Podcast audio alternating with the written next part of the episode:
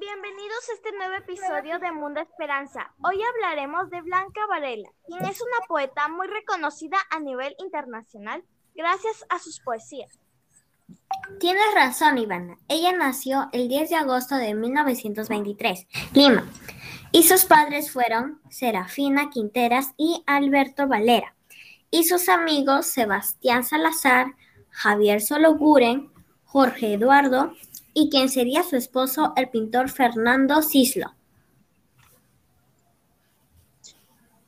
Es cierto, Gaby. Yo les cuento que tú, ella tuvo dos hijos. Su primera revista fue Las Moradas, con Emilia Adolfo Westphalen.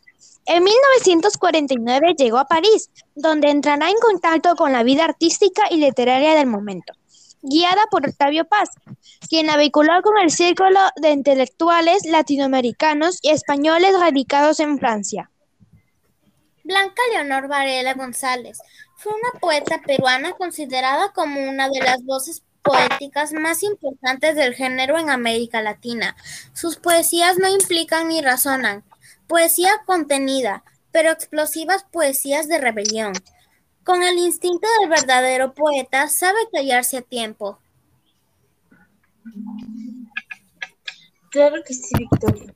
Blanca era una mujer muy estudiosa que se inició en poesía en la Universidad Nacional de San Marcos, en capital peruana, donde ingresó en 1943 para su educación.